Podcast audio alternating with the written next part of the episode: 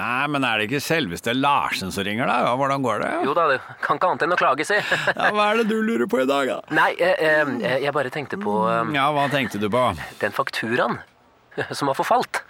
Å ja, den ja. Å, å, jeg må rett og slett bare ha glemt den fakturaen. Jeg- Jeg skal bet- Visste du at åtte av ti betaler etter første purring? Ikke vent for lenge. Med Amili, en ny løsning fra Visma, får du alt du trenger for raskere betaling. I én komplett løsning. Se hvordan på amili.no. Otto og Anne tar pulsen på landet. Ja, det gjør vi. Jeg heter Otto Jespersen, og hva var det du het igjen? Jeg heter Anne Grosvold, og hver uke har vi med oss en interessant gjest. Det har vi. Otto og Anne tar pulsen på landet, hører du der du hører podkast. Ready? You have the cameras rolling? He was hosting boozy parties in Downing Street. But when the president does it, that means that it is not illegal. I have a dream. We will win this election and we will change the country together. Well, I think if they win, I should get all the credit, and if they lose, I should not be blamed at all. Velkommen. Velkommen. Mitt navn er Sofie Høgestøl, Og mitt navn er Eirik Bergesen. Og dette er vårt nokså uhøytidelige, veldig personlige forsøk på å gå bak ukas nyheter, lete etter sammenhengene, si noe om fremtiden, på jakt etter det store bildet, slik vi ser det. Hver fredag. Og i denne episoden så blir det USA, USA, USA. Nå gjør jeg de vannbevegelsene Ja. som hører til uh, Ja. det. Og, Og- litt 16,7 fra Arbeiderpartiet. Ja, og, og bitte litt. Vi, vi, vi må, vi må Bitte litt kongehus. Vi må sveipe innom det også. Men uh, lyttere Jeg har ikke sett Eirik siden fredag. Og Eirik og jeg har ikke snakket sammen. Han har vært i sin TV 2-boble. Jeg har vært i min NRK-boble. Vi har ikke snakket om resultatet. Vi har ikke gitt, kommet med hard takes på hva som skjedde på valgkvelden. Jeg vet ikke hva du gjorde på valgkvelden, eller jeg vet at du var på TV, da, men jeg vet ikke så mye mer enn det. Eh, For vi tenkte det ville være gøy om dere fikk høre vår autentiske debrief live on tape i denne podkasten. Så kjære lytter, dette her er Eirik og, og min sin Det blir sikkert en rantete debrief live on tape om hva som egentlig skjedde i dette USA-valget. Men altså, det var jo Jeg var i Bergen, du var i Oslo. Mhm. jeg, var, jeg var innom NRK, eh, fordi jeg var på Dagens på P1 eh, med den særs dyktige Mathias Mathias mm. som eh, også ringte og spurte og sa ja, det kan jeg gjøre, men da må du passe på å si at, eh, at vi og ikke NRK har dekning på valgnatta. Ja, ja, ja, det skal han gjøre. Og vi hadde en kjempefin samtale, så, så sier han at eh, og, og Eirik, du skal skravle hele natta eh, på TV 2 sånn sånn, så jeg ble berø- behørig teaset. Men en, en venn av meg tok kontakt og sa at moren hadde blitt så forarget over at han brukte eh, begrepet skravle eh, om det jeg skulle gjøre gjennom natta. Og så Nei, nei, han, han skal analysere og han skal diskutere, deliberere. Han sa kanskje ikke deli- deliberere, men eh, han skal ikke skravle. Men eh, Så det var jo hyggelig. Og var, nå er det rett før jeg skriver dette på Facebook. da sa den litt eldre moren. Eh, og det var hyggelig å høre det, da. Jeg oppfattet ikke skravle som en kritikk. Tvert imot. eh, jeg er jo en profesjonell pratmaker. Jeg antar jo Eh, at Eller skravlekopp, om man måtte jo skravle, for det jeg satt og tenkte på, var at jeg, vi gjorde ikke fullnattssending, vi gjorde en utvidet sending av Kveldsnytt. Og så tok jeg taxi hjem ved midnatt. Kvart over midnatt. For da syns NRK at da var det nok valg. Da var valg over deres del. Okay, dette er controversial, men jeg, var litt, jeg, jeg syns det var litt fint, jeg. Nei, Jeg det var det ikke! Jo, jeg synes det var litt fint. At, Snakk om lojalitet. jeg synes det var litt fint, for at, eh, jeg vet ikke hva vi skulle skravlet om midt på natten. Hva skravlet dere om midt på natten? Det var ikke så mye å skravle Altså, det Det vi analyserte, diskuterte og delibererte om gjennom Mhm. natten, var jo selvfølgelig eh, valgresultatene som kommer inn, eh, spenningen rundt det. Eh, og altså, dette er jo Det er fort gjort at sånne ting kan føles litt som sånn sportsbegivenheter, ikke sant. At uh, uh, who's ahead, who's losing, og så videre. Men eh, jeg mener jo at sånne anledninger, det å ha elleve timer da, til å dytte inn all verdens analyser, det er ganske unikt. Og jeg vet jo at du har kost deg med det før på presidentvalg, og så kan man jo si at ja, men mellomgang er ikke så viktig, og jeg skal ikke legge meg opp i det NRK har gjort, men jeg tipper at det er noe av begrunnelsen, da. Eh, At mellomvalg Altså, er jo sett- mellomstasjon. Det, ja, og, så, altså, og så plukket jo NRK opp i en sending klokken seks om morgenen og gjorde masse greier om morgenen. da Så det var jo bare de seks timene midt på natten at vi ikke hadde sending, Eirik. Så jeg syns jo ikke det Jeg, jeg syns det var helt greit. Jeg fikk sove tre timer. Jeg la meg sånn ett-to-tiden og sto opp ja, fire-fem-tiden, da. Og det var nesten ingenting som hadde skjedd på de timene, så jeg var veldig fornøyd med det. Og de tre timene, de tok Nesten meg ingenting som har skjedd. ja, De tre timene tok meg, tok meg inn i morgen. Men okay. Altså, New Hampshire Six District kom jo inn rundt 3.30, og for et drama det ble! Nei, men altså, det som er eh, Altså, det jeg tenker da, er liksom at eh, At dette mellomvalg er vanligvis Ja, det er et mellomsteg og så. Det er ikke alltid like dramatisk, men dette mellomvalget var spesielt. Det visste vi på forhånd, og det ble teaset med det, og det ble dramatisk. Så jeg, jeg, jeg syns jo den begrunnelsen er helt riktig fra TV 2 Absolutt. sin side. det, jeg syns det er veldig gøy at TV 2 satte så, så hardt på valg. Og hvis, Ja. hvis dere hører knitring nå, kjærlighet, så er det fordi jeg, jeg rett og slett knasker smertestillende. For jeg, jeg føler at Jeg vet ikke hvordan du føler det, men jeg eh, Jeg er litt der at jeg har liksom, liksom små sånn low grade vondt i hodet etter en uke med altfor lite soving. Jeg har snudd døgnet, og jeg har jo fortsatt en vanlig jobb, så jeg har jo liksom jeg har masse studentoppgaver jeg skal rette, jeg skal ha muntlig eksamen med de neste uke. Og du drikker vann fra en, et ølglass drikker- som du egenhendig har vært og henta på Jeg drikker vann her. fra et ølglass, for jeg tenker sånn, nå trenger jeg å drikke mye vann. Jeg trenger å drikke mye vann, jeg trenger uh, litt smertestillende. Jeg, trenger, jeg, skal liksom, jeg skal gå hjem etter jobb i dag. Så skal jeg spise ordentlig mat, ikke noe mer junk food. Og så skal jeg uh, jogge med en tur. Og om kvelden skal jeg sove i åtte timer. Og det gleder jeg meg så vilt til. For jeg føler etter USA-valget i 2020, så det ødela døgnrytmen min i flere uker. Jeg føler det tok flere Men det var jo fordi det, det tok så lang tid. Altså, det var jo Ja. Vet du hva jeg gjorde da jeg kom meg Eller altså kom, var tilbake på hotellet. Vi var jo i Bergen hele, hele uka, rett og slett. Eh, Kom tilbake til hotellet eh, sånn ni-ish om morgenen. Spiste frokost, gikk og la meg. Um, våkna sånn to, cirka. Eh, og så fikk, eh, fikk trent, kom meg ut litt, rann, eh, og så dro jeg på eh, en, min favorittsted i Bergen, Okidoki. En liten sånn undergrunns hipster-tacoplass, og, og bestilte noen tacogreier. Og en, en lita tequila. Nei! Ja, det var Altså, det høres trist ut, en mann som sitter alene på restaurant og spiser, drikker Spiser òg, men drikker tequila. Men jeg trengte det for å pick me up, og så kom det en kompis etter hvert, altså. Men eh, altså, for det var Onsdag ble den store dagen for meg. Så, Ja. så, min, så tirsdagen min var at jeg, var, jeg begynte dagen i Bergen. Vi var i samme by i noen timer. Jeg vurderte å ringe deg, men igjen, jeg tenkte sånn Kult om vi ikke ser hverandre. Vi, nå er vi inne i, hverandre, inne i forskjellige bobler. Jeg var der for å holde et foredrag for um, en shippingkonferanse. Som var mors eh, morsomt. Så jeg gjorde liksom, jeg holdt det det foredraget. kjempespennende. Det var, kje- det var kjempespennende. Jeg snakket om verden. Jeg snakket om hva, jeg snakket om hva som skjer i verden. Det var kjempegøy. Um, og så hoppet jeg på et fly. Kom jeg til Oslo. Um, mer eller mindre rett på NRK. Og så gjorde vi Dagsrevyen, og så utvidet Kveldsnytt. Og så, så altså, var jeg hjemme noen timer, sov litt, og så tilbake på NRK seks-syv om morgenen.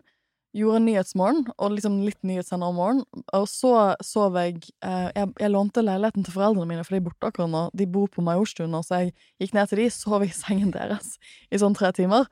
Um, Lillebroren min kom hjem fra militæret på ettermiddagen og lagde middag til meg. Som en- han er 20 år gammel. Det var noe av det hyggeligste ja, da, For da følte jeg meg skikkelig dårlig. Det var sånn, da, da følte jeg meg sånn Å, herregud, nå har jeg sovet lite.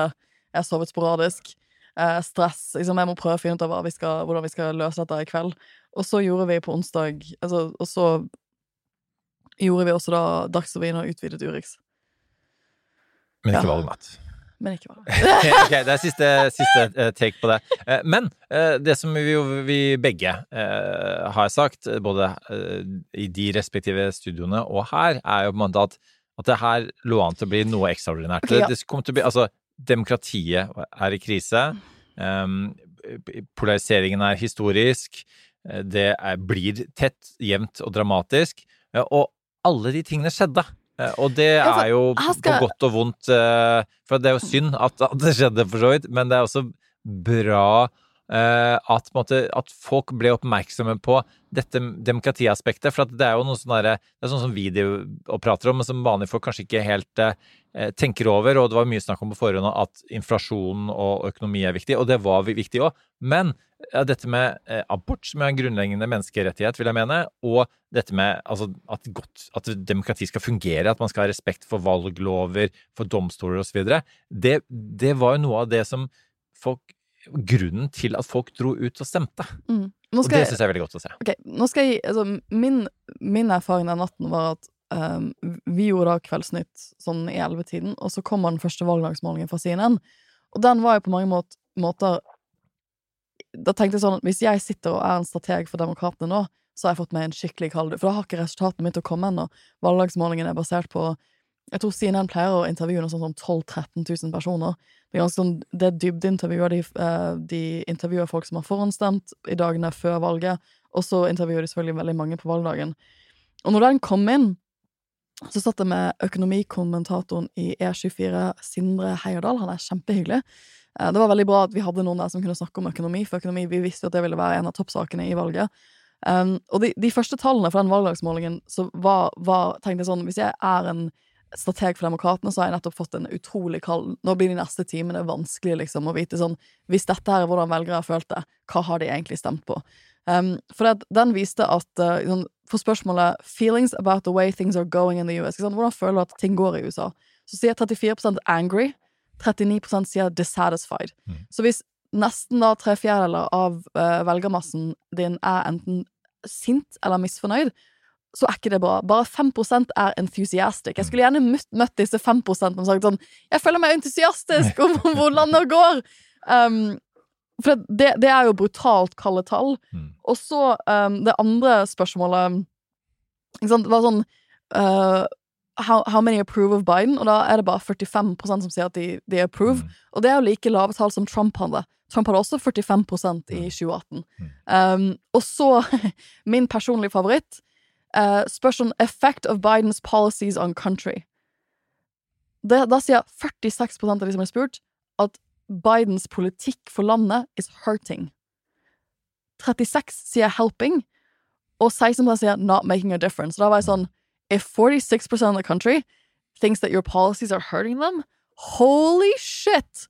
Holy shit! Dette her liksom, vi, vi, vi har jo snakket om at trenden i et mellomvalg er at man straffer en nyvalgt president. Hvis det er en nyvalgt president i Det hvite hus, så straffer man den personen i et mellomvalg. Og det gjør man nesten, nesten Og det gjør man alltid nesten alltid uansett. Ikke sant? Og da var jeg sånn OK, dette her er ikke gode tall. Ikke sant? Og det var masse tall om folk, hvor misfornøyde folk var med økonomien, og hvor misfornøyde de for var med Bidens håndtering av økonomien.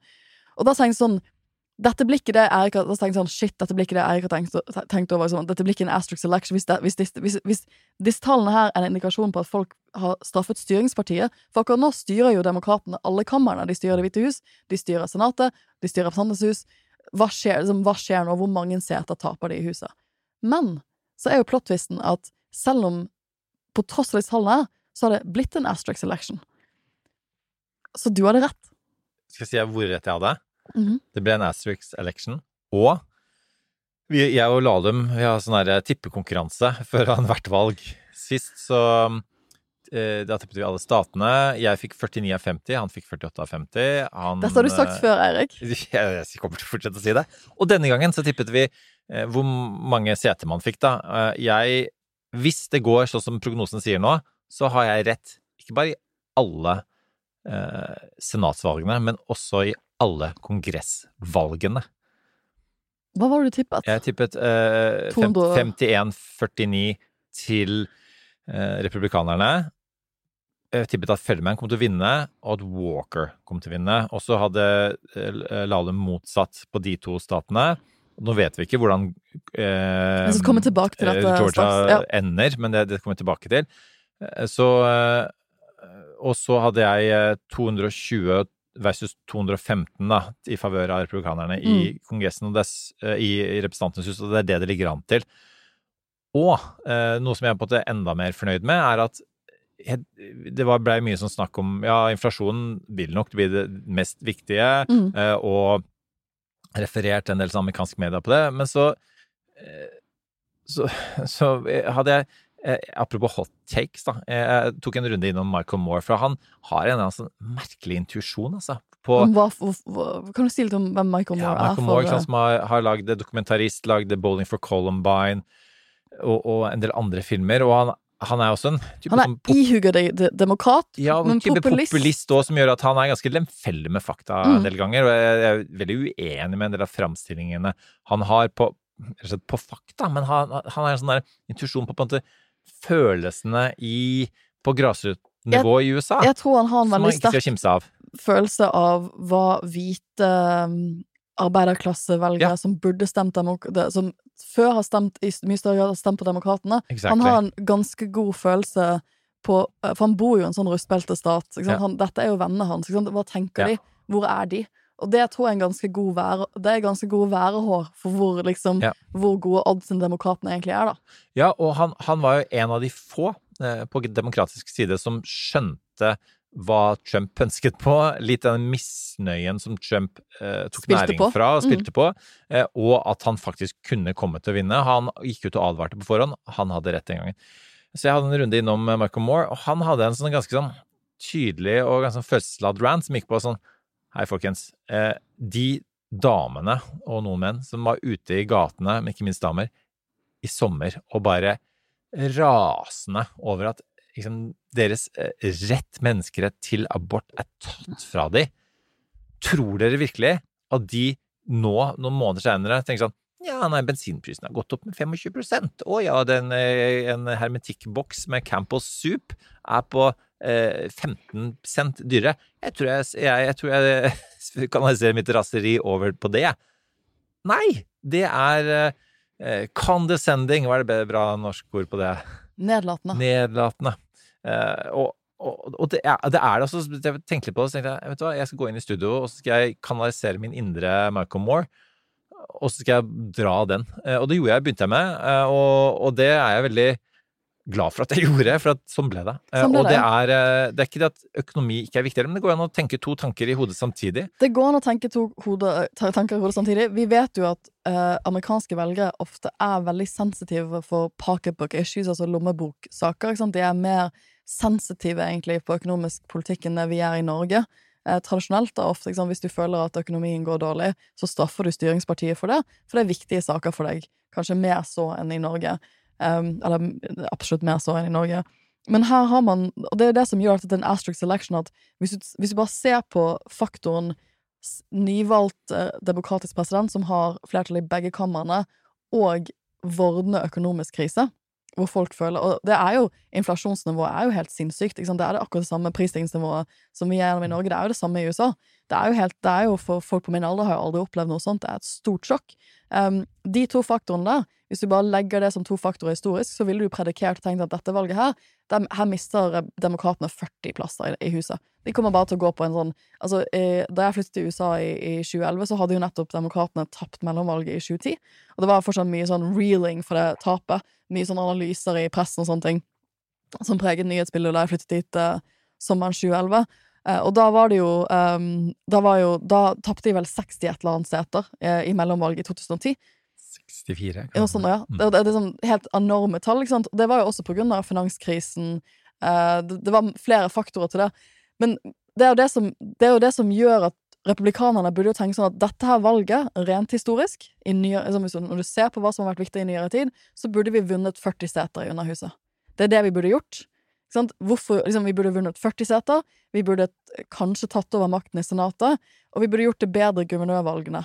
Hvorfor gjorde vi ikke det? Hvorfor tapte vi disse valgene her? Jo, og da gjenstår det jo å se om de er villige til å ta den tilbakemeldingen jeg føler de har fått fra velgerne denne gangen. Og det er at vi vil ikke ha denne type radikale kandidater eh, som dere har disket opp. Vi, vil- vi vil ikke ha det. Ikke sant?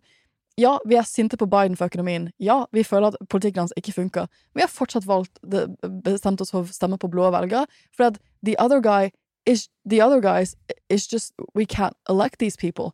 Og det er, sånn, det er nok mange lyttere som vil si Jo, men Sofie, jeg har lest at um, mange election deniers have been elected to the, the Congress. Er- Valgfornektere. Valgfornektere. Gud, ja, jeg takk. som oversetter for deg. Bra det går begge veier. Ja, det går begge veier. Valgfornektere har blitt valgt inn, men, men nå, vi trenger jo endelige, vi trenger de endelige resultatene. Ja vi snakker jo om midlertidige resultater, men det du ser litt trendmessig, er at de som har kommet inn som er valgfornektere, ofte kommer inn fra røde stater. Det betyr at de hadde jo vunnet de valgene uansett, ikke sant? For det er jo ingen, da, hvis du stiller til valg i dypeste South Carolina, så vinner du det valget. Det er ikke noen blå kandidat som kommer til å vinne da. Um, samt at det er ikke like viktig at du har en valgfornekter som guvernør i en rød erkerød stat. For demokratene kommer til å vinne. Eh, liksom, det, det, det kommer, den staten kommer ikke til å være på vippen i mellomvalget i 2024. Ikke sant? Men disse vippestatene der er det jo avgjørende at Kar Kari Lake ikke er guvernør i Arizona. Ikke fordi at det er ille Fordi Ja, fordi at hun Da, da, da kan hun nekte oss å sertifisere og godkjenne valgresultatet. valgresultatet. Og vi vet at Arizona kommer til å være vippestat. Mm. Så, hvis du, så, så liksom, hvis du tar bort en del av de røde statene, så hadde ikke valgfornektere en god valgkveld. Og det er viktig for demokratiet. Kjempeviktig. Og selv om 124 valgfornektere kom inn i i Representantenes hus, så gjorde de det én fordi eh, det er såpass mye gerrymandering, altså mm. opptegning av valgdistrikter, som gjør at, at du kunne ha Jeg snakka om det før. Du kunne, Du kunne stilt en katt Du kunne stilt en Ja. katt uh, med, tall, med bokstaven R ved siden av seg, så hadde de blitt valgt. ikke sant? Det, det, det, ja, de har vunnet den type valgdistrikt. Marjorie Taylor Ja. Greene har vunnet valgdistrikt hvor du, du trenger å ha en puls så lenge du er en republikansk kandidat. Ja.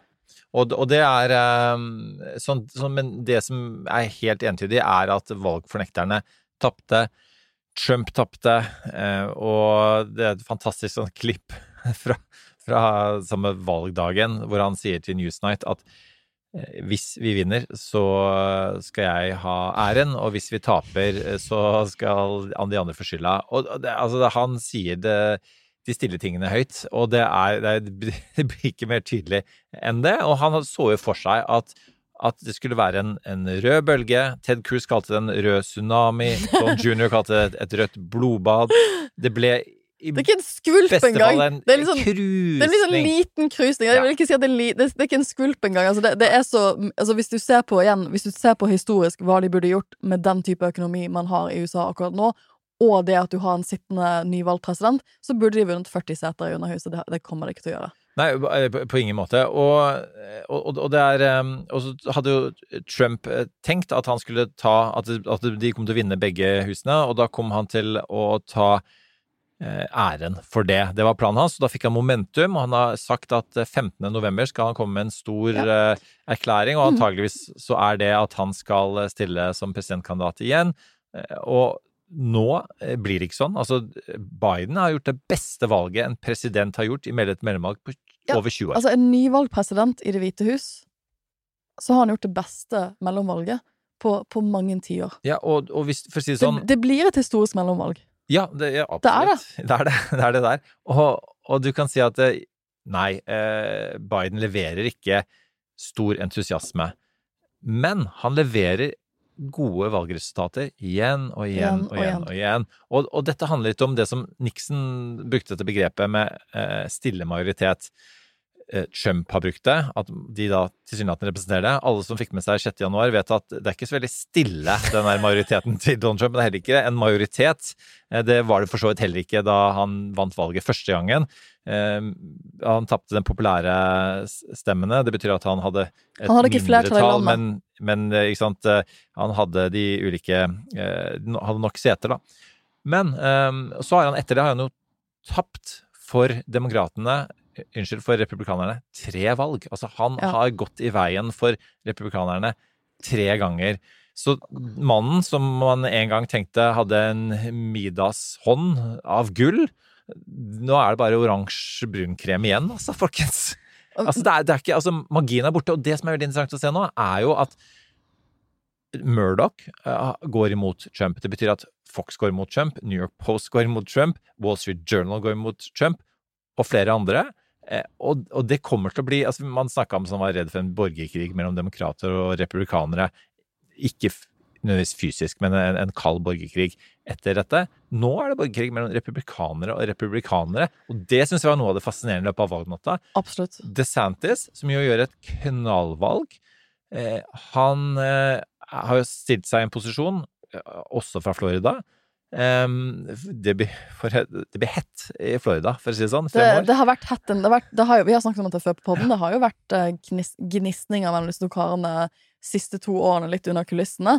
For Trump skjønner jo en mulig motstander når han, når han ser det. De bor i samme stat. Men nå It's getting hot in Florida. Det blir uh... Han begynte jo noen dager før, og han kalte han Ron the Sanctimonious, altså Ron den skinnhellige. Og det er sånn gøy, da, for at du, du ser for deg som sånne derre Trumpistene som skal lage sånne plakater til ralliesene, så skal de prøve å stave Sanctimonious. Det var sånn all close Trump, but not liksom that, That's just that, Ikke bra nok. Du må jobbe litt mer med Du må jobbe litt mer med det nicknamet. Men det, bare for å spole tilbake til, til liksom For de velgerne var kanskje mest interessert i før valget, det var eh, en del eksperter som snart snakket om at akkurat nå så har du, du har en type velger som er liksom double negative-velgerne, var det vel noen av de som kalte det. Og det er sånn, De er negative den forstand sånn, på den ene siden så er de negative til Biden. ikke sant? De er ikke fornøyd med Biden.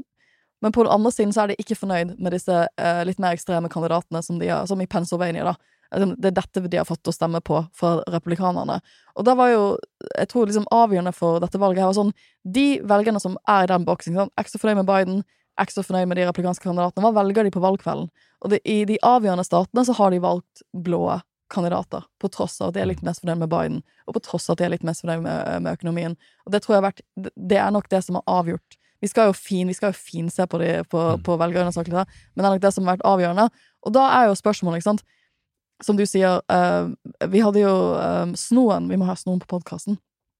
Snoen var uh, med oss på Urix på onsdag, og som han sa Trump, Det Trump greide å gjøre i 2020, var jo egentlig å overbevise partiet sitt om at han ikke var en taper at på tross av at de hadde tapte Det hvite hus, Senatet og Representantenes hus, så fikk han på en eller annen måte overbevise om at nei, nei, dere trenger meg for å vinne, og jeg er fortsatt en vinner. For vanligvis, hvis du taper alle tre kamrene som en utegående president, så er du en taper. Sånn. Og Republikanske partier liker ikke tapere. De liker å vinne valg. De er, veldig, de er et parti som tradisjonelt har vært veldig flink til å vinne valg. Eh, Demokratene har jo ofte vært sett på det partiet som liksom, er litt for idealistisk og greier ikke liksom greier ikke å get their shit together og liksom, og, og liksom vinne når, det, når, det, når, du vinne, når du skal vinne stort.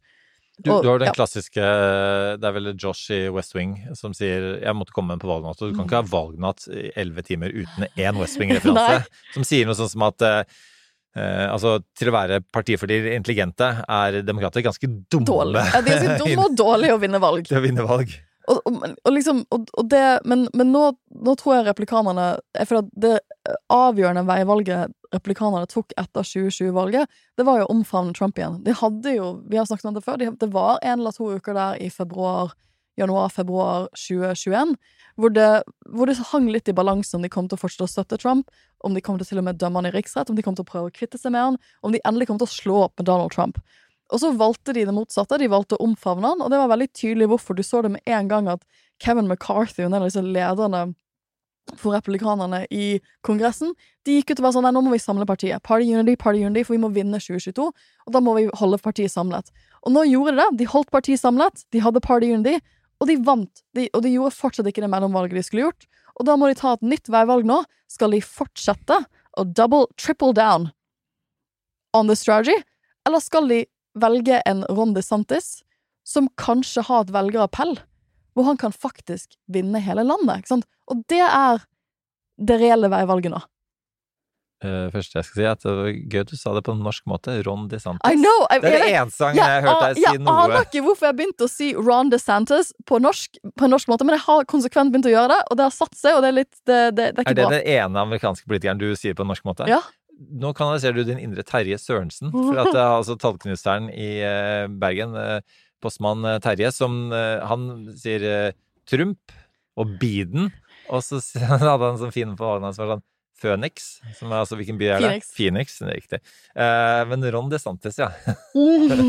Ronny, som vi kaller han. Ronny. Eh, han eh, Altså Ja, og, og, det jeg har lyst til å si da om det, er at litt tilbake til den stille majoriteten. For greia er at en, en, en stemme, da en, en, en, uentusiastisk stemme teller like mye som en entusiastisk stemme. Og det, ja. ja. og hvis du, hvis du på en måte Nei, ok, du er litt misfornøyd med, med, hvilken retning øh, øh, landet tar. Du, du, du det, Ja, det er mye du er misfornøyd med, men du stemmer allikevel, og du stemmer gjerne på, på, en person som, som du allikevel er, er misfornøyd med veldig mye med. Og sånn er det jo med politikk. Altså, sånn stemmer jeg. Det er ikke ja, ja. jeg går rundt her Superentusiastisk. Superentusiastisk når jeg, når jeg sender min stemmer at jeg er enig med alt, eller eh, knapt nok halvparten eh, av det den eh, personen eller det partiet står for. Eh, og Altså, og det er liksom noe med at, vanlige folk de, de, går ikke rundt med sånne røde capser fra valgmøte til valgmøte. De sitter ikke på Facebook dagen lang og, og dette mener jeg. Og, ja. Ikke sant? Altså, de har mer nok med å, å, jobbe og hente barn på skole og barnehage, og kanskje til og med forklare de barna, fra USA, da, hvorfor eh, tidene er litt trøblete, eh, og hvorfor presidenten deres med Trump oppfører seg som han gjør, eh, og at antageligvis så går ting bedre allikevel. Og, og det er liksom sånn Og det er velgere. Og kan liksom det, Og det med begeistring eh, Sanders-folkene Bernie Bros, eh, også i Norge, som var sånn Ja, men se hvor, hvor begeistra folk er. Se hvor mange folk som kommer på stadion. Ja, og det er, det er kjempe... Jeg er veldig glad i politikere som begeistrer. Jeg, jeg, er det. eh, Og jeg skjønner poenget med og det er, sånn, det er sånn et begrep som ikke lar seg helt oversette til norsk. Capture the imagination Ja. av velgerne. Det klarer Donald Trump, det klarer Bernie Sanders osv.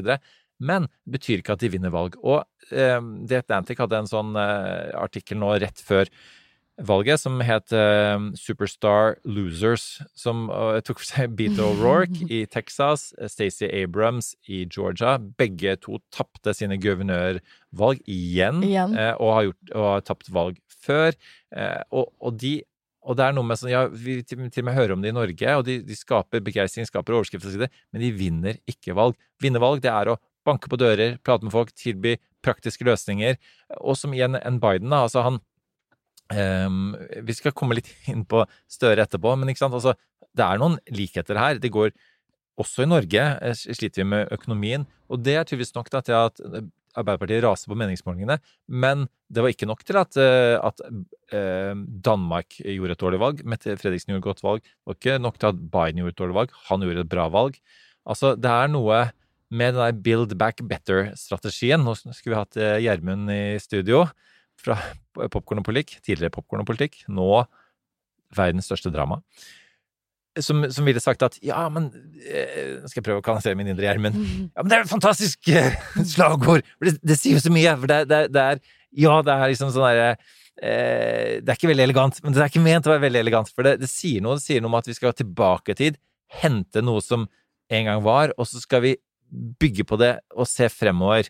Altså, vi som bygde landet altså Det er jo ikke en norsk variant, som Mm. funka veldig bra i sin tid i Norge også. Så, så din hovedanalyse er at det, For jeg, jeg er helt enig. Jeg tenker sånn, The silent majority denne gangen var nok en del av disse velgerne som er misfornøyd med økonomien og liksom litt misfornøyd med Biden, men da har sett på de andre kandidatene på republikansk side og vært sånn Vet du hva?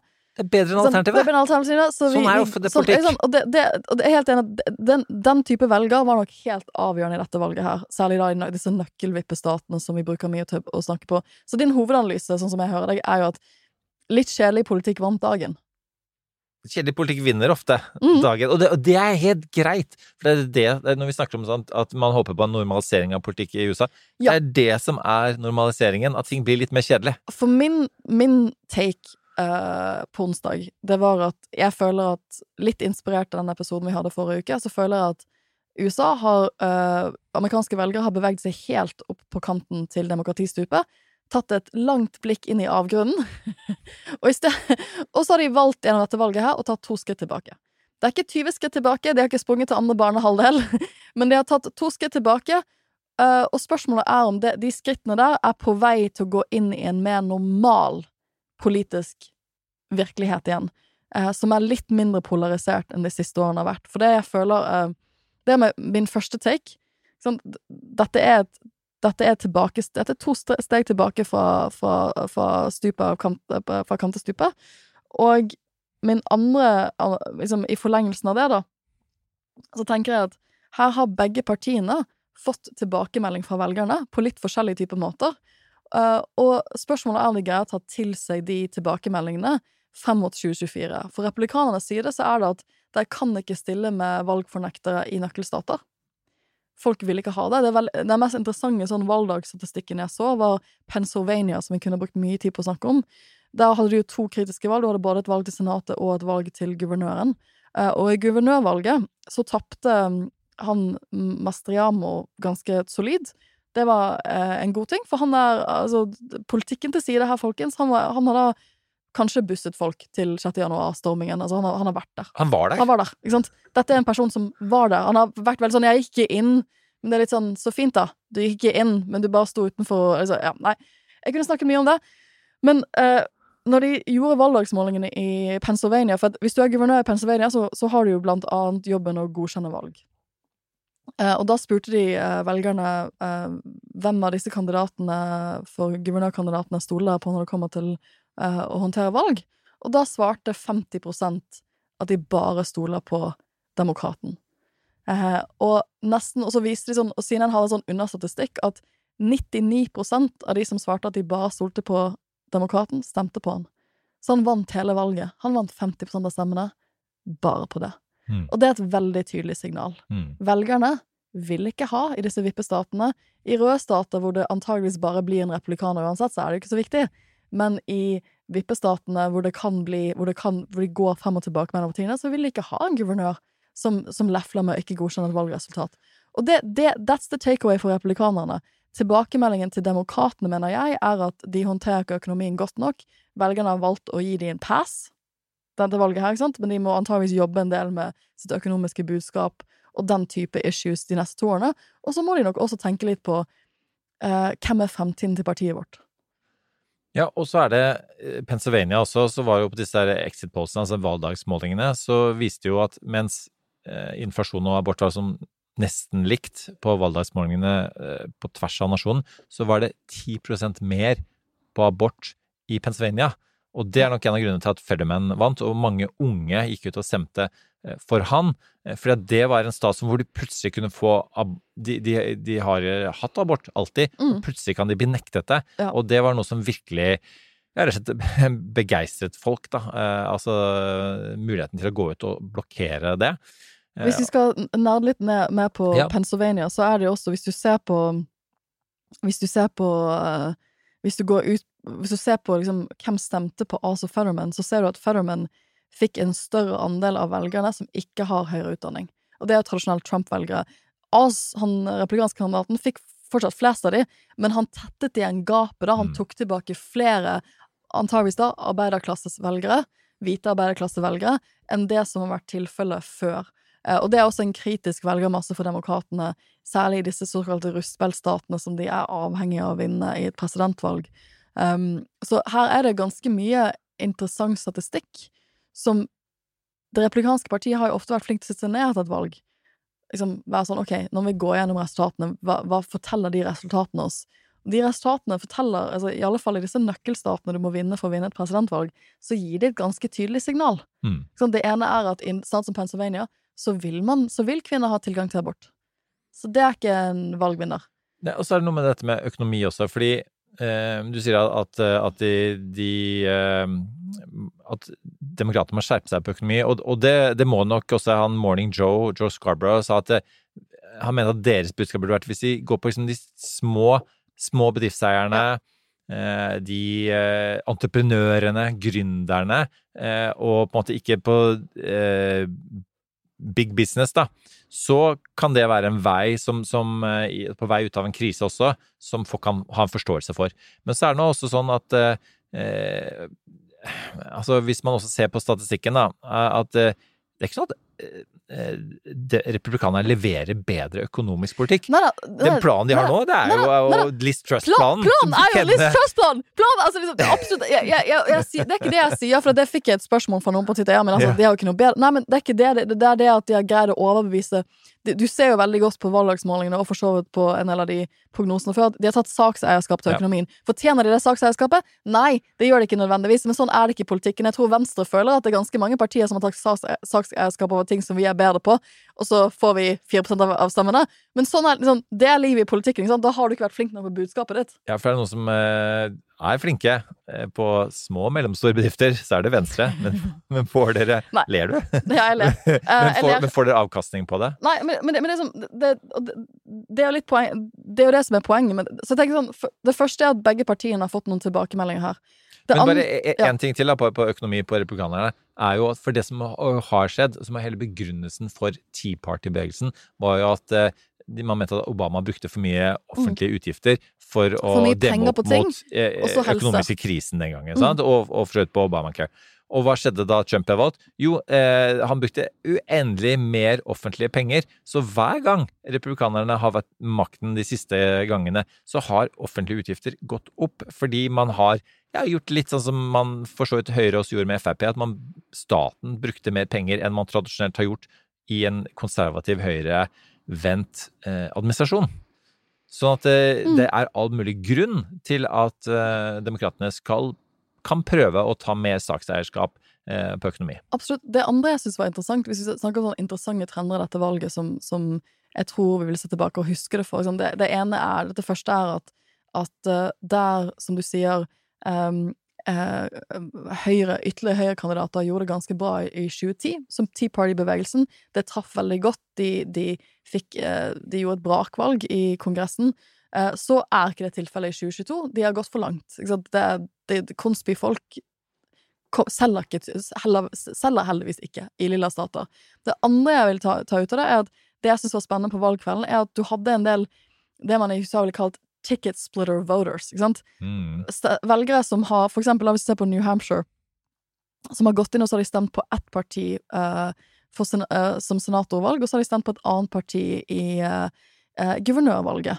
Og det, og, det, ser du en del sånne, sånne interessante nøkkelstater, at der um, har man rett og slett valgt Der har velgere gått Da, de, ser de da, Det ser jo ut som velgerne i større grad har gått etter kandidat.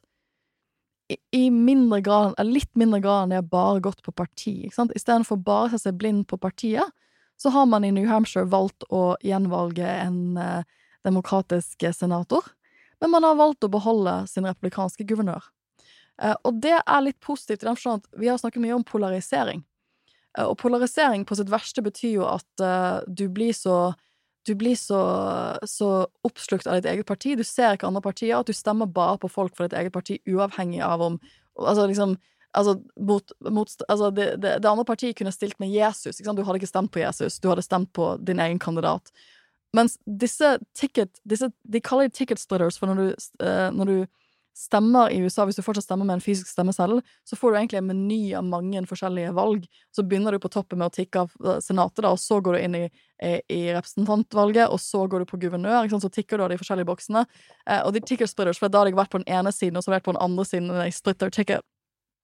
Um, men, men, det betyr jo at disse personene her i litt grad, eller i litt større grad, ser ut til å ha vært åpen for gode kandidater fra begge partier. Mm. Og det er en bra ting, for det er det motsatte av polarisering. Det er at du sier, vet du hva, jeg liker Maggie Hassan, hun uh, senatoren. I like her. I'm gonna vote for her. But I also like my Republican governor. Mm. I'm gonna vote for him. Mm. Og det er jo det er, det, det, det er jo igjen en tilbakemelding til partiene at high quality candidates er det, er det man skal bruke tid på.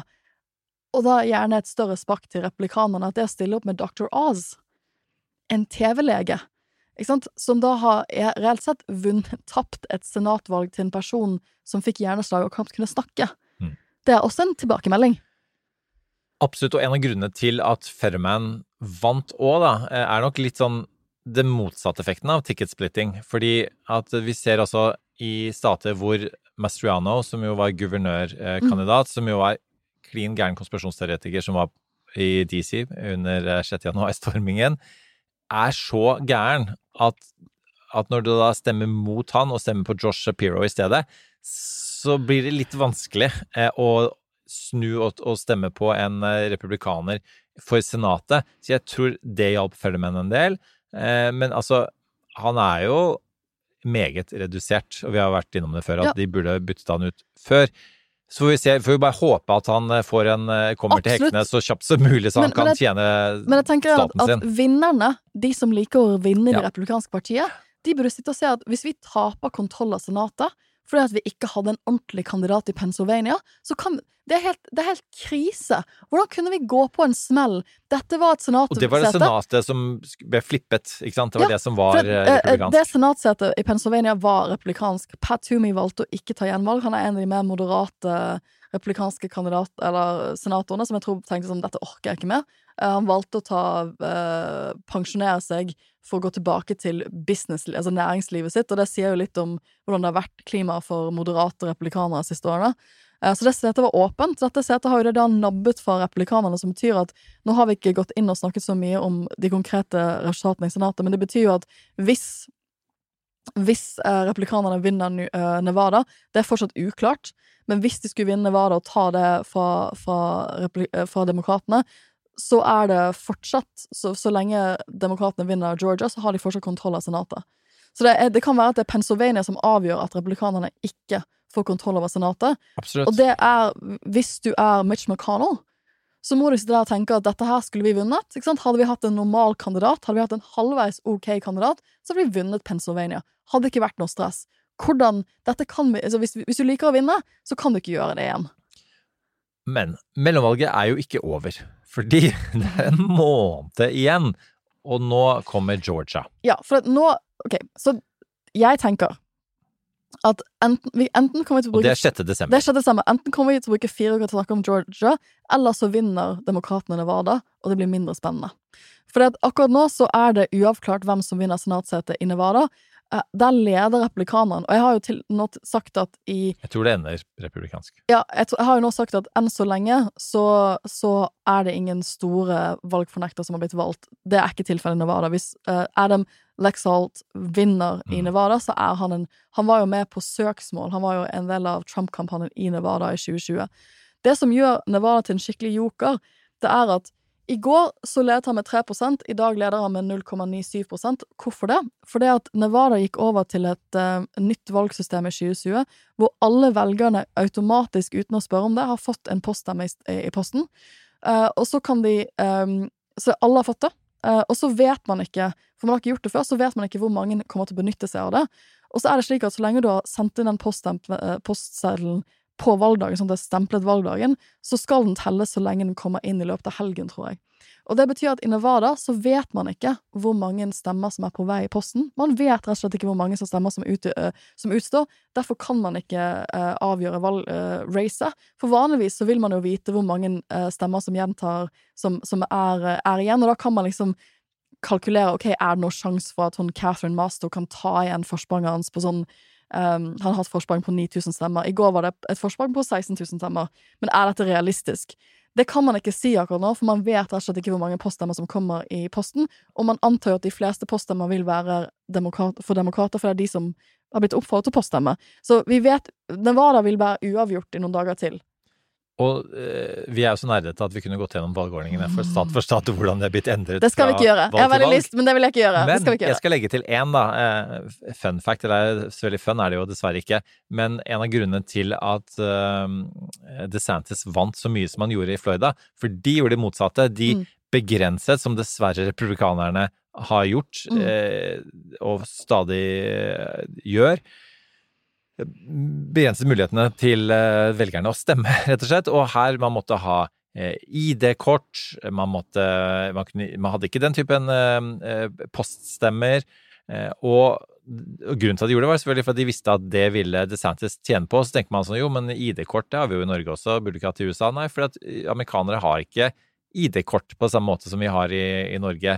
Man har ikke, man har for ikke veldig få eh, har pass, liksom. Så det er på en måte, det er, det er, ikke, det er ikke vanlig, og det gjør at du uansett da eh, med mindre du, du gir folk gratis ID-kort, og det koster penger å få det, og mange har ikke de pengene, så, så begrenser det eh, antallet som får stemt, enten du liker det eller ikke. Det var en av grunnene til at gjorde at eh, DeSantis vant så mye. En annen ting er at han gikk opp mot Charlie Christ.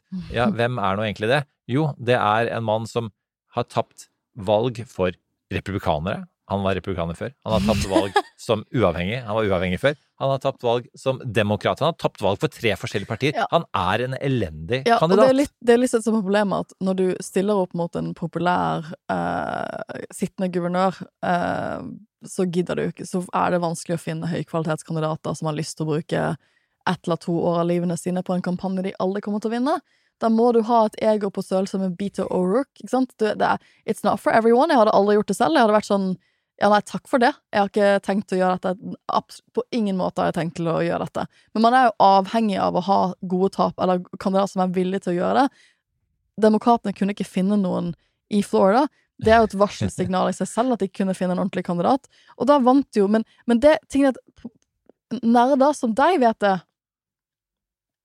Eirik, men ikke sant, Ron DeSantis eh, ikke sant? Det han kommer til å gå rundt og si, at jeg vant med 20 i i en, i en, eh, lilla stat, en swing state. Og jeg så liksom mange Når jeg våknet opp eh, og begynte å se på CNN og MSNBC og de forskjellige valgsendingene, så var det flere konservative stemmer, og de, de er jo selvfølgelig på CNN, så de er ikke Altså, ikke, ikke Trump-folk, liksom, men de var litt sånn hadde det ikke Ron DeSantis har vist at han kan nå ut til nye velgergrupper. Han har økt Han har liksom økt uh, vinnermarginen sin betraktelig fra 2018. Hadde det ikke vært gøy, folkens, å ha en mann som kanskje kan stille som, som en nasjonal presidentkandidat, som kunne fått flertall av stemmer, som kunne vinne the popular vote, ikke sant? Don't we want to be a party who wins a majority? Har vi ikke lyst til å være et parti som iallfall prøver å gjøre det?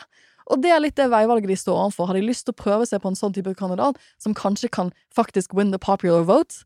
Det tror jeg fortsatt blir et, eh, vanskelig for Ron DeSantis også. Vi skal ikke miste hodet vi skal ikke, vi skal ikke bare tenke at det er mulig ut ifra, som du sier, vi må være litt nyansert om det er Florida-valget ut ifra hvem han stilte mot. Men vil vi det, eller har vi lyst til å, å, satse på Trump, som aldri kommer til å kunne gjøre det? det kommer, Trump, Uavhengig av hvor godt valg Trump gjør, så kommer han aldri til å vinne et flertall av stemmene. Og en av de tingene som uh, DeSantis klarte, var jo å få latinostemmene, uh, og han Altså, Trump, eh, under Trump ved forvalg så svingte det 8% over til han, altså en framgang, men fortsatt en minoritet da, som, som, stemte på han blant latinos. Nå økte det enda mer, får vi se hvordan det, de reelle tallene ser ut. Og en av grunnene til det er at man tenker sånn at jo, men burde ikke de være for på en måte en, en liberal flyktningpolitikk osv. Nei, Nei, fordi mange av de er, de, de er citizens. De, er, de, er ikke, de, trenger ikke pathway for citizen-politikk. Eh, og de er, mange av de kommer fra Cuba, og alt som lukter av sosialisme, jeg liker det ikke, eller Venezuela for den saks skyld. Eh, og så er det, synd å si det, men liksom en litt sånn eh, maskulin, machoistisk ja. linje fra en Trump. Og, og er, er ikke så dumt, det, for ja, en latino mann. Hvis du er katolsk og, og, dypt religiøs og ikke Så, så er ikke abort en du er ikke, du, Det er ikke det du burde Da er du for en ganske restriktiv abortpolitikk. Men det som er spennende altså, Nå har vi jo snakket veldig mye om uh, Ron DeSantis. Han er helt klart en av the breakout stars. Han var jo en stor Det er ikke sånn at han er, var et ukjent politisk blad. Dette er jo en mann som har, um, på tross at han stilte til et guvernørvalg i Florida, hatt ad campaigns i andre stater. Han har jo helt klart holdt på å bygge en nasjonal profil, så han er ikke en nykommer i politikken her. Uh, men har Men, men la oss ikke, ikke helt miste um, øya at du har en del interessante guvernører også på uh, demokratenes side, for jeg, jeg tenker at det, er, det blir et generasjonsskifte nå for demokratene, for Nancy Pelosi kan ikke fortsette som leder i, i eh, Kongressen for dem. Og, da, da, og det, det, jeg, jeg, tror at en tilbakemelding demokratene fikk gjennom dette valget, her, er at vi vil ha uh, en yngre sjikte av ledere som for eksempel Shapiro, som vant dette av, ja. avgjørende, uh, uh, mm. av, avgjørende guvernørvalget i Pennsylvania. Du har også Gretchen Whitmer, som uh, leverte et veldig overbevisende valgresultat i Michigan, som også er en sånn rustbeltesvingstat. Guvernør, hun òg? Guvernør, hun også, ikke sant? Og hun var jo en av de personene som Biden virkelig Hun var jo en av de tre kvinnene som Biden virkelig vurderte som visepresidentkandidat. Jeg tror det er faktisk veldig bra for henne at hun ikke ble visepresidentkandidat. Jeg tror det at hun kan vise at hun kan vinne en vinne gjenvalg i en stat som Michigan og vinne det. Hun vant det jo med over 10% margin, antageligvis. Det er veldig veldig solid resultat. Og hun har ikke hatt det lett. Hun, hun har jo vært utsatt for kidnappingforsøk av ytre høyre. Um, så det er veldig imponerende. Shapiro er veldig imponerende.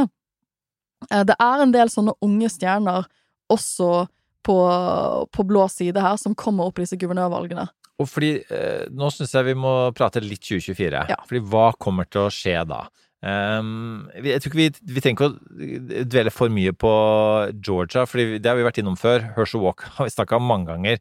Raphael Warnock, som er hans motstander der, har vi også snakka om en del. Pastor fra Martin Luther King sin kirke. Altså, han burde være veldig godt egnet til å vinne. Og nå blir jo uansett eh, det, dette en folkeavstemning om Donald Trump. Hvis Herschel Walker vinner, så får Trump et litt ny momentum. Hvis han eh, taper, så blir Trump dytta enda lenger ned i gjørma. Eh, vi har en måned på oss til å snakke om det, så vi kan komme tilbake på det i dybde. Men eh, og vi har også vært inne på at, at eh, for republikanerne så blir det et race, et rotterace, eh, mellom eh, DeSantis og Trump. Og det kommer til å bli skitten som bare det. Og, og, hvis, og bare for å sagt det, ja. hvis man tror at man kan Vi har sagt at Trump er ferdig så mange ganger. Hvis vi tror at Trump ikke kommer til å ville ta opp en kamp mot DeSantis ja, ja. uh, like, Det han viste i 2016 He picked them off one by one by one. Og hvis han begynner å spisse altså det, det å tenke at dette er over fordi at Ron DeSantis er really good gjorde et veldig godt valg i Florida, da har man ikke lært noe av de siste seks årene. Nei, du var inne på det i stad, du sa at, Trump kommer aldri til å få et flertall, eh, og, det gjør han ikke. Altså, kommer, hans taktikk har jo alltid vært å bare Han vil at Altså, han skal sørge for at eh, enda færre enn vanlig Mm. stemmer på motstanderen, og, Mm. og da, det er hans matematikk, da.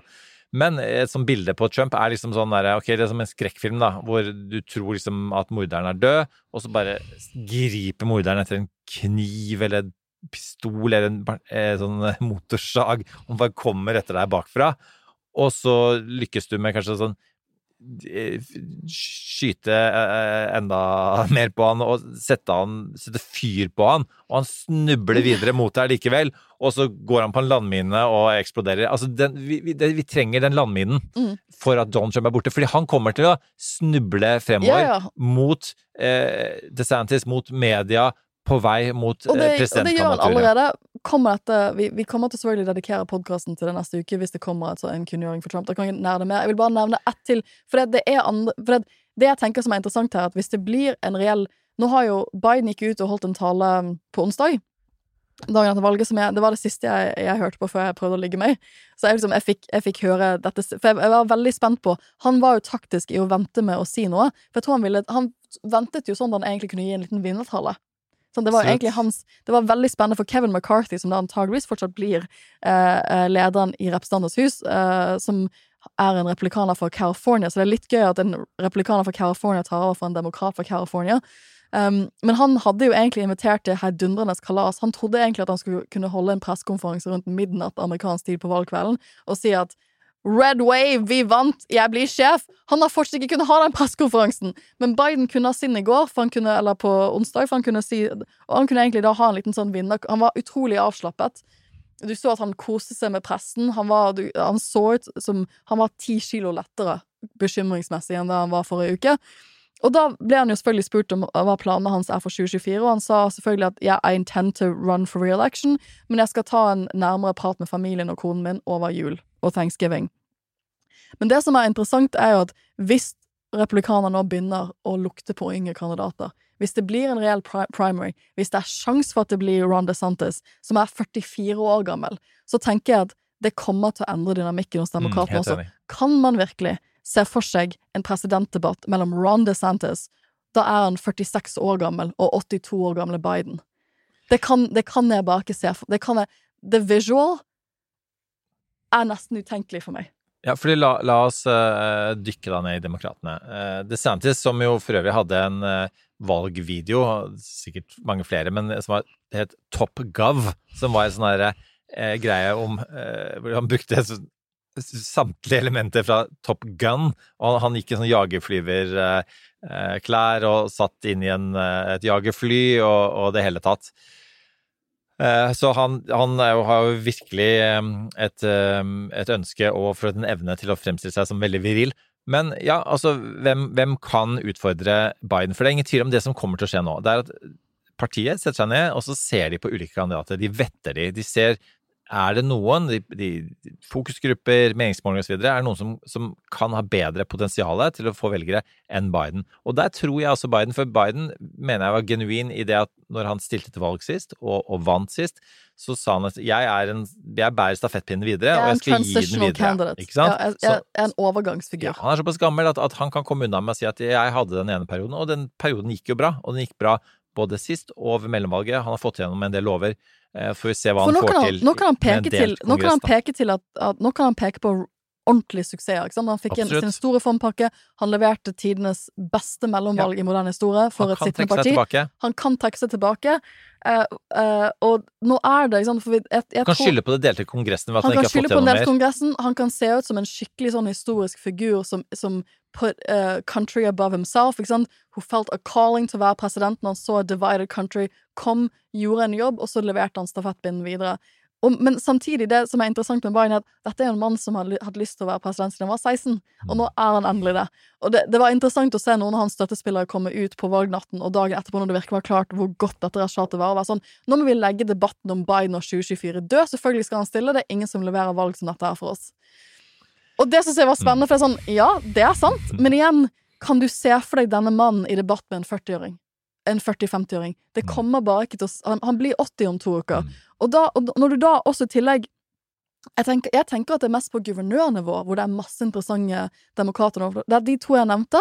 Og så har du en annen, en Wes Moore, som eh, ble valgt som den første African American governor of Maryland. Jeg så han på CNN i går. Gud, bedre den mannen var karismatisk! Kjempekarismatisk. Han lekte altså bare, Han bare fikk de journalistene til å spise altså, han, han svarte så godt på spørsmålet. Han svarte forsonende. Han svarte på en måte hvor jeg ble Han greide å selge inn at man skal være excited about Baltimore, og Baltimore er et sted som Hvis du har sett på The Wire, så har ikke tingene endret seg. Eller We Own This City. Så ting er ikke bra i Baltimore, but Westmore greide å selge det her inn. Han var, han var utrolig Han hadde en karisma som jeg ikke har sett. Altså, det, man, man ikke, man, jeg sammenligner ikke med Obama. En, altså, skal man, man skal være forsiktig med å trekke de sammenligningene der, men han hadde rett og slett en, for meg en karisma som få andre har vist i det eh, demokratiske partiet, og han var utrolig proff. Og nå er han guvernør for Det er ikke en stor stat, det er ikke den viktigste staten, men man skal ikke skimse av å være guvernør for Maryland. Eh, så nå har du plutselig Du har plutselig to, tre, fire interessante guvernørnavn.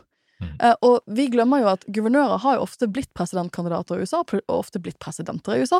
Hvis Bill du er- Clinton. Ja, Bill Clinton. Fra en liten stat, Arkansas. For Arkansas, ikke sant? Du har, eh, du har selvfølgelig George W. Bush, eh, som var guvernør. Du har uh, Ja, det, det, det, er For hvis du er guvernør, så er du president. Og veldig få egentlig som kommer fra Kongressen, og Ja. der var egentlig Joe Biden uh, Et, senatet et har jo unntak. vanligvis ikke vært Nei. en talentfabrikk for å bli president. Og Westmore, jeg, vi hadde, han er så karismatisk som du sier, at vi, jeg, jeg spilte et, et klipp av han eh, på eh, den siste amerikanske tilstanden i denne omgang, som vi hadde i går. Og Så vi har begge, vi har begge bitt det la jeg merke til han, Ja. det er ganske kult. Eh, Og jeg også hadde, jeg la også ut en Twitter-melding fra en kar som skrev som at Westmore will be sometime president of the United States. Ja. Save this tweet. Og altså, hvis ikke den mannen en gang blir president, så lurer jeg litt på um, Altså, he's been a Han er like gammel Ja. som eh, DeSantis. Han er 44 år gammel. Ja. I mean, he's a graduate of John Hopkins University. He has a master's as a Rhodes Scholar from Oxford. So he's been in the army. Det er også liksom altså, in the army, in army reserve. Han, han, han, han har en, en, en bakgrunn som gjør han eh, Altså, som gjør han veldig egnet som en, en nasjonal kandidat. Og så er han Han eh, driver nå et eh, selskap som, som jobber med altså, fattigdom, eh, som heter Robin Hood Foundation. Altså hvor bedre, bra blir det ikke? Han har gitt mye jobbet for Oprah Winfrey, jobbet med en del dokumentarer osv. Og så er han eh, Altså, han ser ut som en skuespiller som er plukka ut til å spille Barack Obama. Ja, men han gjør, men han, han, han gjør det! TV-serie. altså, men, men, men, nei, men altså, jeg, jeg var bare ut, utrolig Han snakker på samme måten. Han var, ja, han, men han, det er jo interessant, for han er jo 44 år gammel, så han er jo en person som har vokst opp med Barack Obama. Han, Ja. han, har, form, han har hatt en politisk rollemodell som han har kunnet formet seg etter. Han vokste opp i den tro at politikk er det Obama vil at det skal Mm. være. Og det er litt deilig at man at det, For det har kommet en generasjon som har eh, bekymret seg over at vent nå litt, er politikk sånn som det er, har vært under Donald Trump? Nei, la, altså, la oss bare sånn eh, overse at det har skjedd i det hele tatt, nærmest. Altså bare gå tilbake til Obama-tidene. Og det er det nok mange demokrater ønsker seg, og det er det en, en sånn Westmore kan gi. Og tenk sånn, dette her, this is a moment for someone to do a national breakthrough. Den, den, den, akkurat den tiden vi er i nå, er, tror jeg, en åpning for en Obama-lignende fyr eller kvinne å liksom å slå igjennom Og ingen visste hvem Obama var to år før han ble Ja, president. Ja, det, det var jo og, og, Men eh, ok, jeg, jeg, Josh Shapiro, som er en av de andre yeah. som blir nevnt, han er, han er jo den nye guvernøren i Pennsylvania. Han har jo gått på Georgetown Law, så go Hoyas! Jeg ser en mulig Hoya-presidentkandidat. Uh, han, han ble jo skutt inn i himmelen av um, av Pod Save America forrige episode. Og Lincoln Project-folkene, som jo er de tidligere ja, ja, så han, han får major liksom, hype fra en del veldig viktige toneangivende folk i partiet. I politikken i USA. Altså, jeg tror en av de tre, Shapiro, Whitmer eller Moore, Ja. kommer i hvert fall til å være involvert i en sånn visepresidentdiskusjon. Fordi det er jo ikke gitt at Og la oss si at, at eh, Biden går av, da, at det blir Kamala Harris. Jeg tok Kamala Hun har vært for usynlig. Spørsmålet er eh, om hun jeg er, usikker på, vil jeg er usikker på om hun stiller. Ja, det, det, det vil uansett være lettere å erstatte henne med Whitmer, da, for da er det en annen kvinne. Så? Du har- den første eh, kvinnelige visepresidenten. Ok, Hvis du da får den første kvinnelige presidentkandidaten eh, selv om det er en annen person, så, så kan man rettferdiggjøre det. Så la oss si at du får en eh, Whitmer, uh, og så kan man se for seg Shapiro, men fordi de begge er hvite, så, og du da både forhindrer en, en kvinne og som også er uh, svart, så kan du få inn Westmore, da. Så Whitmer Moore I like the sound of it. Men altså, kjære lytter, det du hører nå, er at Eirik Rene spekulasjoner! Ja, det er rene spekulasjoner, men det er også at Eirik og jeg For at jeg merket at på onsdag så ble jeg mer og mer hypet. Jeg var sånn I'm getting excited now. Why am I getting excited? Because that's the smell of primaries. Sant? Ja. Ordentlig primaries. For liksom, vi tenkte jo for noen uker siden at hvis det skulle bli noen Trump-aktige greier liksom, La oss si at replikanerne hadde vunnet stort denne uken her, og så hadde Trump annonsert neste uke. Da tror jeg at Ron DeSantis hadde tenkt sånn Jeg er 44 år gammel, jeg gidder ikke å gå opp i en primary mot han. Jeg venter fire år til. Jeg er så ung at jeg kan, vente, jeg kan vente ut denne perioden her. For Trump kan ikke sitte i to perioder til, han kan bare sitte i en periode til. Jeg venter uansett og ser hva we see where, this, where the chips fall, og så, og så stiller jeg. Men nå you know, this has blown this thing wide open. I think Hvis du får ordentlig competitive primaries hos republikanerne, så tror jeg også du får det. Jeg tror det direkte følger det blir at du får det hos demokratene også. Og da kan du og jeg bruke hele 2023 og store deler av 2024 på primaries. Og det er ingenting jeg føler sånn, Primaries er ofte det gøyeste med et presidentvalg. Er, da har du plutselig mange kandidater. Og for, litt fordi at i en amerikansk presidentvalg i primary-fasen, så kan du få en ukjent Barack Obama som plutselig blir president i USA. Og det er gøy. Det er gøy å følge kandidat... Altså, så jeg gikk for å tenke sånn åh, blir dette sånn Blir dette sånn forferdelig Biden, Trump, take two? Det vet ikke om jeg orker. Ikke sant? Du har to 70-80-åringer på scenen som, som krangler. Altså, vi, vi, gjorde den valgkampen i, i, i 2020. Jeg orker ikke en til sånn valgkamp. Med at nå lukter jeg Og det, det kan jo fortsatt det kan jo, det kan jo fortsatt skje at det blir Trump og Biden. Det, ting henger litt i luften nå. Men the, the enthusiasm vi, you're vi hearing kan, Vi kanaliserer vår indre West Wing-seere. Ja. Ja. Som eh, ønsker seg en kanskje litt eh, idealisert eh, politisk virkelighet. Med det Mm. og disse fromme ønskene, så skal vi snakke om norsk politikk. For du ville snakke litt om Arbeiderpartiet. Kommer det Ikke med den samme entusiasmen som vi akkurat har forlatt, men fordi igjen, det er litt det samme politiske virkeligheten vi var innom det i stad. Eh, Man styrer i en økonomisk krise, og jeg har Det var ikke mye jeg klarte å få meg fra min eh, USA-valgboble der borte i Bergen, men at Støre nå har gått fra eh, 35 da han overtok, til 41,9% som ville gitt han og partiet 77 stortingsrepresentanter, er nå på 16,7 som ville gitt de 34 stortingsrepresentanter. Det må vi faktisk bare prate om. Vi bor i Norge. Eh, Du sitter tidvis på Stortinget. Det er valg neste år. Og eh, hva eh, La meg spørre deg, da, som tross alt er norsk politiker. Ja, ja. Hva, hva, skjer? Ish-politiker. Jeg er faktisk blitt kalt inn Ish-politiker. Ish-politiker. Jeg faktisk blitt kalt inn på Stortinget neste uke, så vi kan, vi kan ta en liten statusrapport. Jeg skal være der fra tirsdag til torsdag, bare et par dager før Ola Elvestuen skal på klimatoppmøte. Eh, så det skulle jo egentlig hatt muntlig eksamen med studentene mine på torsdag, så sorry, studenter, det, det blir uken etter.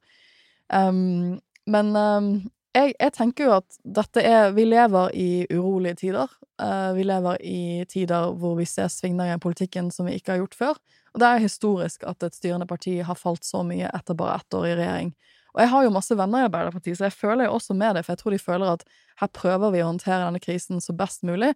Sånn Støre liksom prøver å, å gjøre det beste han kan. Det tror jeg virkelig han gjør. Eh, og så går det bare, så blir det bare verre og verre og verre. Og verre. Og det bakteppet her som jeg tror vi må ha med oss, er at du har et, et, eh, et Arbeiderparti som taper valget i 2013. Så får du en, en blå-blå regjering i form av Erna Solberg og Siv Jensen. Eh, og så tenker man jo da at Og så blir Støre partileder. Og så tenker man at nå skal han bruke fire år i opposisjon, og han skal bare, det skal bare vokse, vokse, vokse. Og Arbeiderpartiet vokser og vokser og vokser. De gjør det helt sinnssykt bra i opposisjon. Den, det glemmer vi jo nå. Men i 2015-2016, så hadde de enorme tall på meningsmålingene. 41. 41, ikke sant? Jeg tror mange, uh, mange folk på min alder i Arbeiderpartiet var sånn Oh yeah! Ikke sant? Nå, vi, vi, vi gjorde fire år i opposisjon. Det var like greit. Vi fikk skiftet partiledelse. Det var viktig å gjøre. Ikke sant? Man må, må jo gjøre det i ny og ne som parti. Man fikk bygd opp litt andre profiler. Nå skal vi inn i de regjeringslokalene. Jeg, jeg hadde masse Altså, jeg, jeg hadde folk jeg kjenner som jeg føler hadde mer eller mindre målt opp statssekretærkontorene sine og vært sånn Jeg vil ha der, der og der i det departementet. Uh, og så går de på tidenes valgsmell i 2017 som, er, som blir et utrolig vondt sår for partiet. Og så har de aldri helt kommet seg. Mener, altså, vil være min analyse utenfra. De går på den valgsmellen som de ikke trodde de skulle gå på. Og så fortsetter egentlig bare fallet. Og så blir jo mye av narrativet i Arbeiderpartiet, eller om Arbeiderpartiet etter 2017, at jo, jo, Støre er ikke en, en Han er ikke en han er, han, er for, han er for god til å være opposisjonspolitiker. Ikke sant? Han er, han er he's a statesman. Og de, de, og de er ikke ordentlig opposisjon, for da må du være litt sånn brei leppe og slenge litt og litt sånn populistisk, og det er ikke Støre. Men så snart han kommer seg inn i, SMK og blir statsminister, så kommer han til å finne den formen. Han kommer til å bli den store personen vi har. Og det er jo utrolig tunge, tunge forventninger å skulle leve opp til også. Og så ser du at Arbeiderpartiet greier ikke helt å finne seg selv i, i, fra 2017 til 2018, eh, 20, 2021. De har Giske-gate, ikke sant? De fortsetter å blø som parti. Um, men så finner de seg nok i valgkampen i 2021 til å vinne et valg, men de gjør jo ikke et godt valg selv. Sånn. Mange av vennene mine i Arbeiderpartiet vil si at ja, det er litt gøy at vi snakker om at vi um, uh, Vi vant valget i 2021. Vi fikk jo et skikkelig dårlig resultat. Vi vant jo fordi at resten av venstresiden gjorde et godt valg. Og det var et av problemene var at eh, det var ikke bare at de gjorde et dårlig valg, men at Senterpartiet gjorde et godt Bra, valg. ja.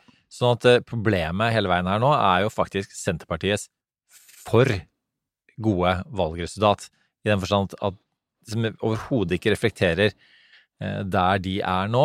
Eh, Og det skremte jo vekk SV den gangen. fordi at Mhm. de hadde ikke de forhandlingskortene pga. valgresultatet. Og de har fortsatt ikke de forhandlingskortene pga. valgresultatet og ikke pga. meningsmålingene nå. Sånn funker jo, funker jo valg, da. Vi- vi- Men det gjør at det er vanskelig for de å komme inn, komme inn, og de burde jo vært inne og representert en helhet da på sentrum-venstre. Det hadde vært veldig mye bedre for Arbeiderpartiet. Men min sånn take da er, er eh, fordi det som er styringsdyktighet, er liksom det er jo bra, og det mye kan tyde på at Støre har en styringsdyktighet.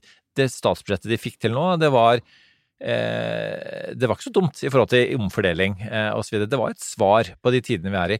Var- Men styringsdyktighet er ikke nok. Eh, Og det er ikke noe du, man premierer nødvendigvis. Det er den fortellingen man gir folk om hvor vi er, og hvor vi er på vei. Støre svikter.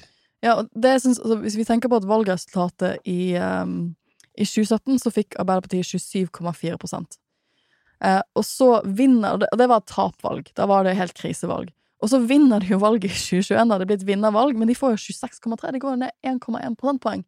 Så det var jo egentlig et drittvalg for Arbeiderpartiet. Og nå har de altså gått ned kanskje 10 prosentpoeng på meningsmålene til 16% Det er tall Altså, min mors familie er jo ihuga Arbeiderpartifamilie. Eh, mormoren min var lokalvalgt i Hamar i mange år, satt i formannskapet i kommunestyret. Hun hadde ikke kjent igjen disse tallene her. Disse tallene her, hvis hun var, Jeg er glad hun ikke er i live til å se disse tallene her, for jeg tror det hadde rystet henne dypt. Men, men det er litt det at Så de, så de, de har egentlig to dårlige valg. Dette siste valget, hvor de vinner, har de egentlig personlig som valg gjort det dårligere enn 2017. Og så tenker man jo at nei, nå skal Støre inn på SMK, han skal bli den lederen vi har tenkt han skal bli. Han skal bli den statsmannsaktige statsministeren som vi tror han kan bli. Og så, jeg, jeg liker Støre, jeg syns han, han er statsmannsaktig, men velgerne Velgerne til Arbeiderpartiet er ikke enige. Og, og hva gjør de da? tenker jeg, Når historiefortelling hele tiden har vært sånn så lenge de kommer seg i posisjon, så skal alt løse seg. Så kommer de seg i posisjon, og så går det ned 10% Hva gjør du da? Og det er ikke sånn at øh, Høyre tilbyr en annen politikk, de tilbyr knapt en politikk. De snakker de trenger knapt. ikke- de trenger ikke gjøre det. De trenger ikke gjøre det. Og, og det må de gjøre ved et valg, så det, dette kan jo fortsatt endre seg. Eh, og, og, det, kan, vi, vi skal igjen, ikke glemme hvor høyt Arbeiderpartiet svevde på meningsmålingene før 2017-valget, og hvor dypt de krasjer. Altså, liksom, så vi skal ikke tenke at ingenting er avgjort her. Neida, og, Veldig mye kan snu vi seg har, på vi har snakket en del om, om uh, uentusiastiske uh, stemmer uh, i stad, og det er også stemmer. Men jeg, jeg tenker at et sånn lite um, Jeg skal ikke kalle det for tips, det høres jo veldig sånn uh, teit ut, men altså sånn en, en, et litt poeng, da, er jo dette med at eh, man bør ikke bortforklare krisen. Fordi Altså, man kan snu på det og si at dette er jo nesten en perfekt timing. Altså, fordi man gikk til valg på vanlige folks tur. Og de som faktisk sliter nå, det er vanlige folk. Det er ikke rike folk, det er ikke store bedrifter. Men heldigvis så er det jo en plan for, for vanlige folk. Og den planen er ment for både gode og dårlige tider, som alle politiske planer er ment for. Og si, den, den vil funke. Den funker allerede. Og vi skal komme ut av dette styrket. Og der, der er det, altså, jeg har sagt før, også lær av Bill Clinton. Det mest berømte øyeblikket i den andre presidentdebatten, tror jeg det var, i 1992, det var da eh, de to politikerne, George eh, H.W. Eh, Bush, altså far senior, de ble begge spurt om eh, har den nasjonale eh, gjelden påvirket deres liv, eh, og hvordan kan man finne en eller annen kur for de økonomiske problemene til vanlige folk, eh, og hva slags erfaringer har du med det? George Bush, i tillegg til å se på klokka si for øvrig, som var en av grunnene, mener man Jeg ser også på klokken, han- for vi, må runde av denne sendingen. Men ja, ja. Eh, og, og, og eh, man tenker at en av grunnene til, til at han tapte. Men også svaret hans var altså jeg tror at uh, den nasjonale gjelden eh, har betydning for alle, og uh, obviously det has a lot to do with interest rates. Mens det Clinton ga svaret at jeg har vært guvernør i en liten stat i tolv år. Jeg skal fortelle deg hvordan økonomisk krise har hatt betydning for meg, for vanlige folk, alle de folka i fabrikkene som måtte stenge fabrikkene. Jeg kjenner de. De folka som eh, mistet jobbene sine. Jeg kan navnet på veldig mange av de. Og, og han ga I feel your pain-svaret. Eh, og det er Og så beit han seg i underleppa samtidig. Altså, du må på I feel your pain. Altså, du må ut og fortelle historier her. Du kan ikke vente. Du kan ikke si som at den planen vår kommer til å lykkes, bare vent til valget, og så tar vi en oppsummering da. For du får, får i, det har vi sagt mange ganger her på den podden, du får ikke applaus. Du får ikke, du får ikke til valg for å takke noen. Folk går til valg for å si fuck you, og, for de er misfornøyd med et eller annet. Du, du, du, kan ikke, du kan ikke vente med å selge de politiske resultatene. Du må si at vi er underveis, liksom. Altså du, du eh, og, og det er også, for å si det sånn, en, en annen um, eh, Winston Churchill gikk eh, da han ble statsminister Han møtte sitt kabinett med I have nothing to offer but blood, toil, tears and sweat. Han hadde ikke engang en Jeg økonomisk du må, må, økonomisk du må, plan. du må eie kris, du må eie kriseretorikken. Du, må være, du må være sånn 'Jeg er der med dere. Jeg Ja. står der på bakken med Ja. dere. Jeg føler dette med dere.'